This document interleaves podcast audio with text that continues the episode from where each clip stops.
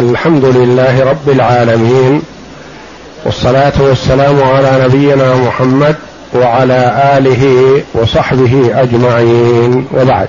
بسم الله. الحمد لله رب العالمين والصلاة والسلام على أشرف الأنبياء والمرسلين نبينا محمد وعلى آله وصحبه أجمعين. قال المؤلف رحمه الله تعالى في أثر المعنويات في المجتمع ثم إن هذا الرسول القائد الأعظم صلى الله عليه وسلم كان يتمتع من الصفات المعنوية والظاهرة ومن الكمالات والمواهب والأمجاد والفضائل ومكارم الأخلاق ومحاسن الأعمال بما جعلته تهوى إليه الأفئدة وتتفانى عليه النفوس فما يتكلم بكلمة إلا ويبادر صحابته رضي الله عنهم إلى امتثالها وما يأتي برشد وتوجيه إلا ويتسابقون إلى التحلي به. المؤلف رحمه الله تعالى يذكر في هذا الفصل أثر توجيهات النبي صلى الله عليه وسلم للصحابة خاصة وللأمة عامة.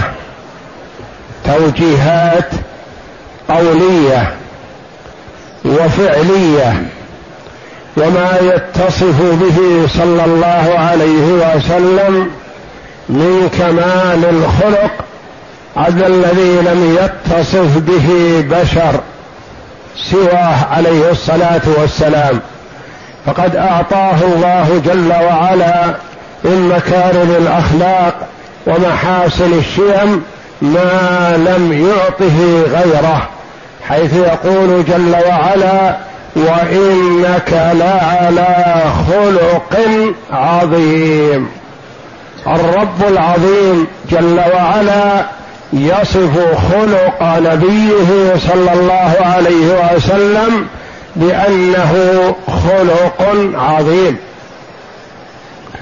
فهو عليه الصلاة والسلام أحسن الناس خلقا وهو يعالج كل موقف بما يناسبه صلى الله عليه وسلم ويوجه كل إنسان بما يليق به عليه الصلاة والسلام وهو متصف بأكرم الأفعال وأحسنها فهو يدل إلى أحسن الأخلاق بقوله عليه الصلاة والسلام وبفعله عليه الصلاة والسلام. لذا كان الصحابة رضي الله عنهم أحسن الناس خلقا. لذا قال عليه الصلاة والسلام خير القرون قرني. فقرن النبي صلى الله عليه وسلم أفضل القرون. ولا يقال إن صحابته كل فرد منهم أفضل الناس لأن الناس قبلهم فيهم الأنبياء والأنبياء عليهم الصلاة والسلام أفضل من الصحابة رضي الله عنهم. لكن القرن الذي فيه النبي صلى الله عليه وسلم على العموم أفضل القرون من آدم إلى أن يرث الله الأرض ومن عليها. والنبي صلى الله عليه وسلم أرسى قواعد المجتمع ودلهم على الأفعال الحسنة والصفات الجميلة فيما يتعلق بكل شيء. فيما بين الولد ووالديه فيما بين الوالدين وأولادهم فيما بين الإخوة المسلمين فيما بين الجيران مع جيرانهم فيما بين المسلمين مع الكفار والكفار أنواع ذمي وحربي وكتابي وغير ذلك من أصنافهم ولكل فئة منهم نوع من أنواع المعاملة عليه الصلاة والسلام فهو لا يعامل الذمي كمعاملة الحربي ولا يعامل المشرك عباد الأصنام كمعاملة أهل الكتاب. ولذا أوصى معاذ رضي الله عنه لما بعثه إلى اليمن قال له إنك تأتي قوما من أهل الكتاب يتميزون عمن عرفت في المدينة من المشركين. المدينة وقت هجرة النبي صلى الله عليه وسلم فيها مسلمون وفيها مشركون. قال إنك تأتي قوما من أهل الكتاب. يعني أهل علم وأهل معرفة. لكن بعضهم ملتمس للحق يبحث عنه. وبعضهم معاند مكابر. فأعد لكل فئة حال من المناقشة والبيان. فهو عليه الصلاة والسلام أسس المجتمع الإسلامي على قوائم ثابتة على قواعد ثابتة وأخلاق فاضلة. كانوا يدعون إلى الإسلام بأقوالهم وأفعالهم. بدون أن يتصدروا الدعوة بالخطب والمحاضرات وإنما بحسن أفعالهم يدعون إلى الإسلام. والله جل وعلا يقول لرسوله صلى الله عليه وسلم وإن أحد من المشركين استجارك فاجره حتى يسمع كلام الله ثم أبلغه مأمنة. لا تسرحه. لا ترسله. يلتقطه أول نص من اللصوص لا. أبلغه اوصله المكان الذي يأمن فيه. نعم.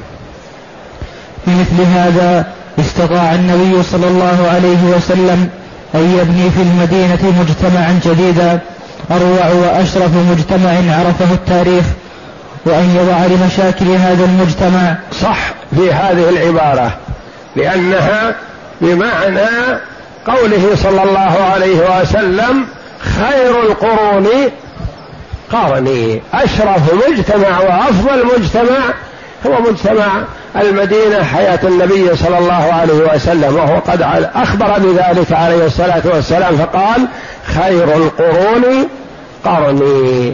نعم.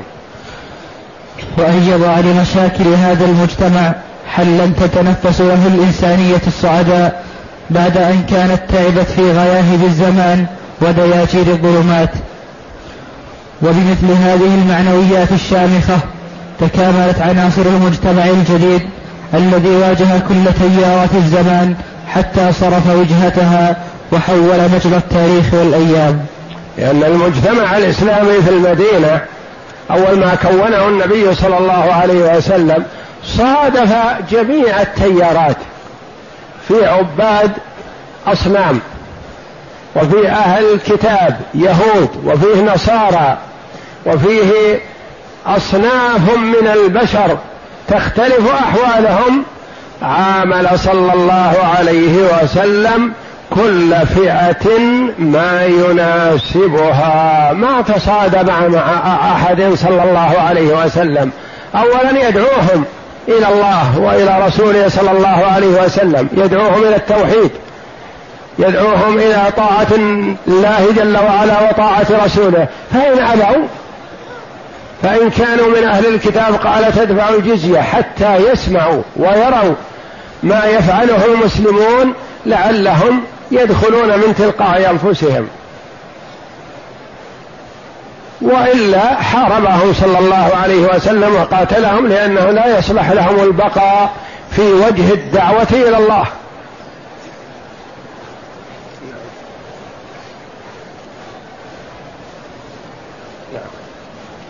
معاهدته مع اليهود. معاهدته مع اليهود. اليهود في المدينة. وأسلافهم كما تقدم لنا أنهم جاءوا إلى المدينة من جهة الشام لأن بني إسرائيل أكثرهم في الشام ومحلهم ووطنهم الأصلي الشام. لكن أسلافهم علموا وعرفوا بما عندهم من العلم أن مهاجر النبي الذي يكون في آخر الزمان مهاجره المدينة. فجاءوا إلى المدينة تحريا لمبعث النبي صلى الله عليه وسلم. واستوطنوا واستقروا المدينة وأصبحوا في المدينة كثر. وألفوا المشركين الذين كانوا في المدينة الأوس والخزرج كانوا على الشرك وتروسوا عليهم وتكبروا عليهم وصار المشركون صار المشركون يرجعون إلى أهل الكتاب ويأخذون منهم لأن عندهم علم. وحصل بينهم التداخل كما تقدم والمصاهرة وتزوج بعضهم من بعض ومعاهدة بعضهم لبعض والتحالف الذي كان بينهم الأوس حالفوا أناسا منهم والخزرج حالفوا أناسا منهم وهكذا فالنبي صلى الله عليه وسلم لما جاء إلى المدينة ما حاربهم ولا رفع السيف عليهم. وإنما دعاهم إلى الله جل وعلا دعاهم إلى الإسلام وترفق بهم وجاء من جاء منهم يسأل ومنهم من كان يمتحن النبي صلى الله عليه وسلم لعله يجد ثغرة خطأ فينوه ويشهر به. لكنه عليه الصلاة والسلام سدده الله جل وعلا ووفقه وكلما سألوه سؤال أتاهم الجواب الصحيح من عند الله جل وعلا. ويخبرهم صلى الله عليه وسلم بما فعل أسلافهم بأمور هم أنفسهم لا يعرفونها أو يجهلون تفاصيلها. فمن كان منهم طالبا للحق وهم قلة في اليهود بخلاف النصارى فالنصارى يكثر منهم طالب الحق. اليهود قلة منهم طلبة الحق مثل عبد الله بن سلام رضي الله عنه وأخوه وعدد من اليهود يعدون على الأصابع مع إن الرسول صلى الله عليه وسلم كان بينهم. ويدعوهم إلى الله جل وعلا صباح مساء ويرون الآيات الباهرة على يده صلى الله عليه وسلم ومع ذلك ما آمن منهم إلا قلة يعدون على الأصابع. عبد الله بن سلام رضي الله عنه جاء يسأل النبي صلى الله عليه وسلم أسئلة. ينظر هل يجيب؟ يعرف أنه نبي. ألا لا يجيب يعرف أنه متقول. ولكنه رضي الله عنه متفائل وطالب للحق وحريص عليه. حينما قابل وجه النبي صلى الله عليه وسلم من أول وهلة اطمأن إليه وقال عرفت هذا ليس بوجه كذاب هذا صادق. يهودي من أحبار اليهود من علمائهم. عرفت أن وجهه ليس بوجه كذاب. فسأل النبي صلى الله عليه وسلم ثلاثة أو أربعة عليه النبي صلى الله عليه وسلم بالجواب الكافي. فقال أشهد أن لا إله إلا الله وأشهد أنك رسول الله. رضي الله عنه. اطمأن إليه النبي صلى الله عليه وسلم وفرح به لأنه عالم من علماء اليهود ويكون حجة على اليهود كلهم وهم يعرفونه. فقال يا رسول الله إن اليهود أهل بهت وأهل كذب وأهل افتراء. فأحب أن تسألهم عني قبل أن يعلموا بإسلامي. وهكذا ينبغي للإنسان أن يتحرز لنفسه فلا يوقع نفسه مواقع التهم. والنبي صلى الله عليه وسلم يقول رحم الله امرأ كف الغيبة عن نفسه. يعني ما يجعل عليه علقة للناس يتعلقون به يسبونه ويتكلمون فيه. وقال عليه الصلاة والسلام لما مر ومعه صفية بنت حيي أم المؤمنين رضي الله عنها وقابله رجلان تنحيا وأبعدا لأنهم رأوا النبي ومعه امرأة ما أحبوا أن يقرب منهم. قال على رسلكما على رسلكما إنها صفية بنت حيي. يعني هذه زوجتي لا تبعدا فقال يا رسول الله سبحان الله. يعني ما عندنا في هذا شك. أنك لن تقف إلا مع امرأة من تحل لك أو من محارمك.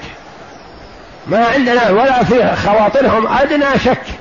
قال عليه الصلاة والسلام إن الشيطان يجري من ابن آدم مجرى الدم وإني خشيت أن يقذف في قلوبكما شيئا أو شرا. يعني لو ما هم الآن بعد شهر بعد سنة بعد أكثر من هي تلك المرأة التي مع النبي؟ يقذف الشيطان في قلب ابن آدم فيوجد الشك فيهلك هو الذي يهلك وإلا النبي صلى الله عليه وسلم معصوم. فقال على رسلكما إنها صفية بنت حيي. وقال عليه الصلاة والسلام رحم الله امرأ كف الغيبة عن نفسه. يعني الإنسان إذا خشي أن يتهم بشيء ما مثلا يبرر نفسه ويخبر. مثلا إذا كان الناس يصلون وهو فايت مثلا مار مع الطريق ولا صلى مع الناس. قابله شخص يقول صليت جمعا لو ما سأله حتى لا يتهم يقول لما هذا يمشي والناس يصلون ولا يصلي معهم؟ قد سبق أن صليت وجمعت مثلا. أو مثلا مر به وهو يأكل في رمضان مثلا يقول أنا مريض أو أنا مسافر ونحو ذلك حتى لا يوقع نفسه في تهمة أو ريبة أو شك. فعبد الله بن سلام رضي الله عنه قال يا رسول الله أحب أن تسأل عن اليهود قبل أن يعلموا بإسلامي. فدعا زعماء اليهود عليه الصلاة والسلام وكانوا يسارعون. إذا دعاهم جاءوا. فقال لهم عليه الصلاة والسلام ما تقولون في ابن سلام؟ قالوا خيرنا وابن خيرنا وعالمنا وابن عالمنا. ومدحوه وأثنوا عليه خيرا. فقال أرأيتكم إن أسلم تسلمون؟ قالوا حاشاه لله من ذلك. بعيد أن يسلم. بعيد حاشاه لله من ذلك. فخرج عبد الله بن سلام وقال أشهد أن لا إله إلا الله وأشهد أن محمدا عبده ورسوله. والله إني لا أعرف رسول الله صلى الله عليه وسلم أكثر من معرفتي لابني. فقالوا هو شرنا وابن شرنا. وسبوه وقذفوه. فقال رضي الله عنه يا رسول الله ألم أقل لك؟ يعني لو قالوا هذا القول قبل أن يثنوا عليه لربما وقع في نفس النبي صلى الله عليه وسلم شيء من قولهم. ألم أقل لك يا رسول الله؟ فهم أهل بهتان وكذب وافتراء. والنبي صلى الله عليه وسلم بحكمته عاهدهم على الا يناصروا عدوا غزا المدينة ويدافع عنهم النبي صلى الله عليه وسلم من ناوأهم. ويشتركوا في حماية المدينة سواء كان جاء العدو ليريد اليهود أو يريد النبي والمسلمين. حصل بينهم معاهدة وعاهد كل طائفة على حدة لأنه يعرف عليه الصلاة والسلام أنهم لا يبقون على عهد ولا يستمرون يخونون. فلئلا تحصل خيانتهم جميع فيتآلبوا على النبي صلى الله عليه وسلم أحب أنه إذا حصلت الخيانة تكون من فئة واحدة فقط ليتمكن النبي صلى الله عليه وسلم من حربها. فعاهدهم صلى الله عليه وسلم واتفق معهم على أن يكونوا يدا واحدة على من أراد المدينة وأنهم لا يؤون عدوا للنبي صلى الله عليه وسلم ولا يساعدونه ولا يؤمنون أحدا من قريش لأن قريش أهل مكة أعداء للنبي صلى الله عليه وسلم فحصل إبرام العهد بينهم وبين النبي صلى الله عليه وسلم. والنبي صلى الله عليه وسلم أوجد المؤاخاة بين المهاجرين والأنصار ثم المعاهدة مع اليهود ليأمن الناس في ديارهم وأماكنهم ولتكون المدينة دار أمن وسلام. نعم.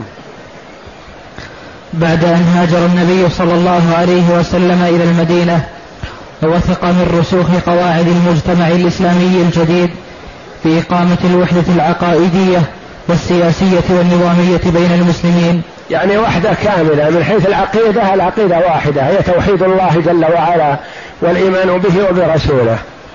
ومن حيث السياسة يعني ما يكون بعضهم يحارب من يصادق الآخر؟ كلهم يد واحدة. يحاربون من حاربهم ويصادقون من صادقهم ولا يفلت منهم أحد بأن يصادق عدوا أو يؤوي محدثا.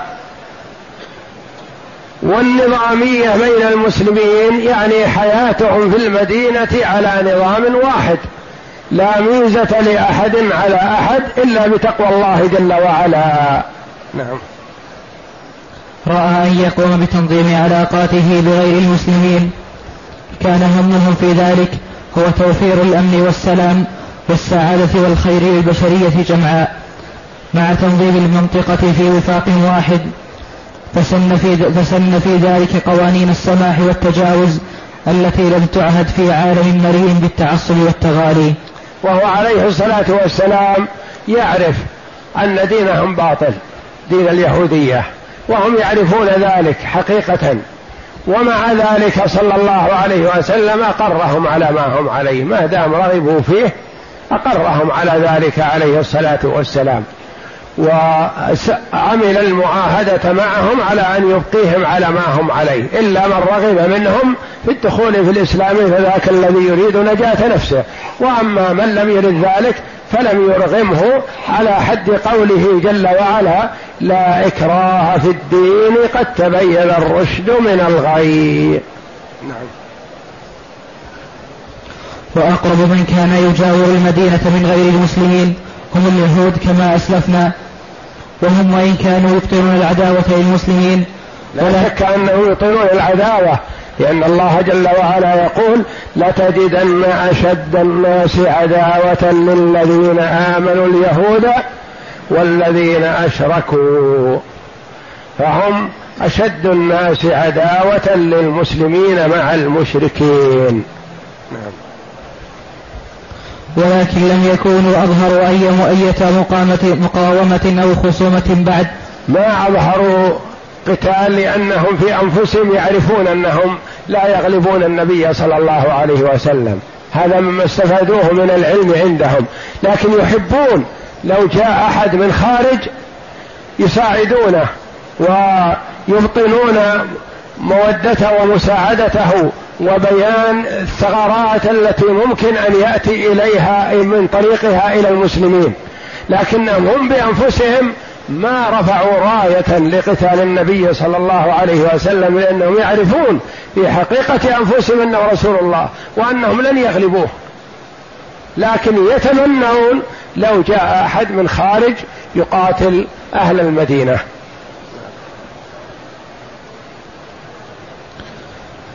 فعقد معهم رسول الله صلى الله عليه وسلم معاهدة ترك لهم فيها مطلق الحرية في الدين والمال. ولم يتعرض لأموالهم ولا تعرض لدينهم عليه الصلاة والسلام وبين لهم الإسلام من رغب فيه فبها ونعمت ومن لا يريده لا يكرهه عليه الصلاة والسلام لأنه ما أمر في ذاك الوقت بقتال. ولم يتجه إلى سياسة الإبعاد أو المصادرة والخصام. وجاءت هذه المعاهدة إن المعاهدة التي تمت بين المسلمين أنفسهم والتي مر ذكرها قريبا. بين المسلمين أنفسهم. وجاءت هذه المعاهدة ضمن المعاهدات المعاهدة التي تمت بين المسلمين أنفسهم. أنفسهم؟ بين المسلمين أنفسهم والتي مر ذكرها قريبا وهاك أهم بنود هذه المعاهدة. يعني المعاهدة بين النبي صلى الله عليه وسلم واليهود. نعم. نعم. بنود المعاهدة. أولا إن يهود بني عوف أمة مع المؤمنين لليهود دينهم وللمسلمين دينهم مواليهم وأنفسهم وكذلك لغير بني عوف من اليهود. ثانيا وإن على اليهود نفقتهم وعلى المسلمين نفقتهم. ثالثا وإن بينهم النصر على من حارب أهل هذه الصحيفة. يعني نفقت كل فئة على علي عليهم. ما يلزم أولئك بأن يأخذوا من أموال هؤلاء ولا هؤلاء من أموال هؤلاء ولا يطمعوا فيهم. ولا يطمعوا أن يأخذوا من أموالهم شيء ومن جاء محاربا للمدينة فهم عليه يد واحدة. رابعا وإن بينهم النصح والنصيحة والبر دون الإثم.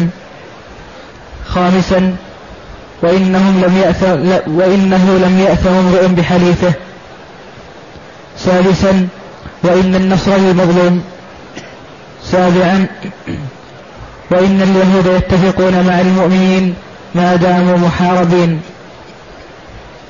ثامنا وإن يثرب حرام جوفها لأجل هذه الصحيفة. يثرب المراد بها المدينة. حرام يعني يحرم على واحد من هؤلاء المعاهدين أن يعتدي على واحد من أهل المدينة. يعني محرم عليهم أموالهم ودماؤهم ولا بحقها نعم. تاسعا وإنه ما, وإنه ما كان بين أهل هذه الصحيفة من حدث أو اشتجار يخاف فساده فإن مرده إلى الله عز وجل وإلى محمد رسول الله صلى الله عليه وسلم يعني التحاكم إلى الله وإلى رسوله